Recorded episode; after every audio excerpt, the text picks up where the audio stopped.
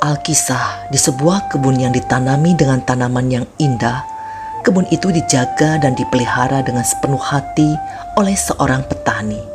Dari sekian tanaman yang ada dalam kebun itu, bambu adalah tanaman yang paling dicintainya.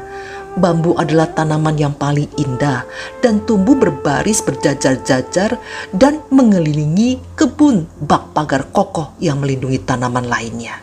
Batangnya berdiri paling tinggi dan menjulang ke atas seolah-olah menopang langit. Bila angin bertiup, ia bergoyang-goyang lembut dengan daunnya yang gemerisik dan melantunkan kidung yang merdu. Siapa pun yang mendengarnya pasti terpesona. Bila hujan turun, tetes-tetes air hujan yang menggelayut di ujung-ujung daun berkilauan seperti anting-anting berlian yang dikenakan seorang gadis. Sang petani memandangi bambu itu dengan pandangan penuh sukacita. Pada suatu hari, petani itu mendatangi bambu dan mengusap batangnya sambil berbisik-bisik. Seakan bergembira, bambu merundukkan kepalanya perlahan agar mendengar bisikan petani. Kata petani, "Bambu, uh, bambu, aku bermaksud menggunakanmu." Mendengar itu, bambu sangat bahagia ia menghabiskan waktunya hari demi hari, tahun demi tahun untuk membuat batang yang bertumbuh kokoh, besar, dan kuat. Kini tiba saatnya untuk memenuhi takdir untuk apa ia diciptakan di dunia ini. Kemudian bambu menjawab bisikan petani.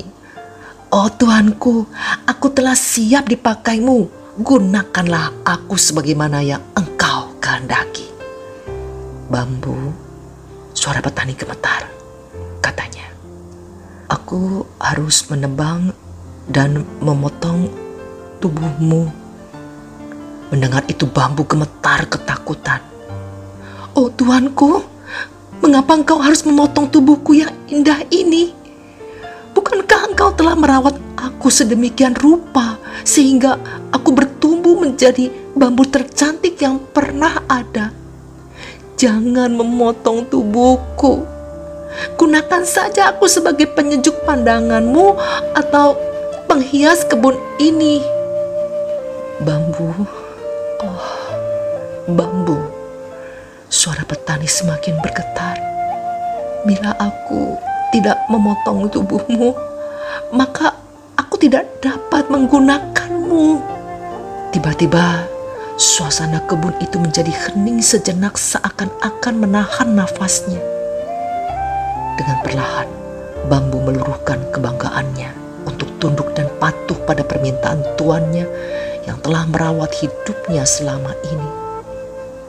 Oh Tuanku, apabila engkau tidak dapat menggunakan aku tanpa memotong tubuhku, maka lakukanlah segera. Potonglah tubuhku. Bambu Aku akan memangkas daun-daun dan ranting-rantingmu juga.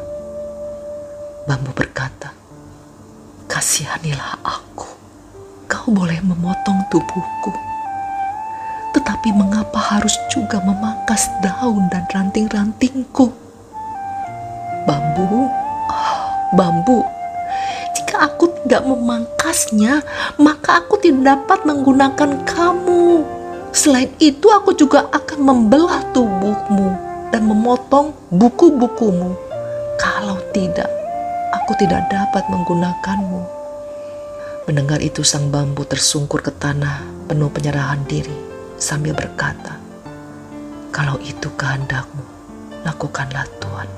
Aku menyerahkan hidupku ke dalam tanganmu. Kemudian petani memotong bambu membersihkan batangnya dari ranting-ranting dan daun-daunnya, kemudian membelahnya menjadi dua dan membersihkan buku-bukunya. Setelah itu, dengan hati-hati dibawanya ke lembah, sebuah bukit yang menjadi tempat mata air. Kemudian meletakkan bambu di sana dan menyambung ujungnya satu persatu sampai menuju ke persawahan di bawahnya. Sekarang bambu itu telah menjadi saluran air Tubuhnya yang dulu menjulang tinggi, kini berkelok-kelok menuruni lembah untuk mengalirkan air yang gemericik ke sawah petani. Beberapa bulan kemudian, padi di persawahan itu menguning dan siap dipanen. Pada saat itulah bambu baru menyadari walau dulu ia pernah berbangga dengan kecantikannya, namun dengan kepatuhan dan pengorbanan yang dilakukannya, hidupnya kini telah berubah menjadi penyambung hidup suatu dunia yang lebih luas lagi.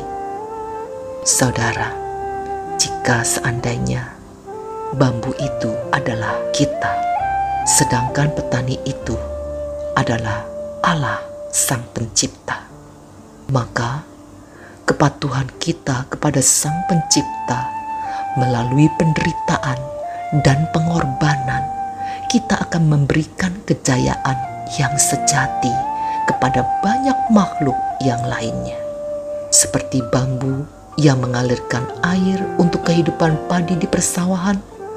Demikian juga dengan pengorbanan Yesus di kayu salib telah menjadikan dia jalan kehidupan bagi kita manusia untuk dapat dipulihkan hubungannya dengan Allah Sang Pencipta. Amin.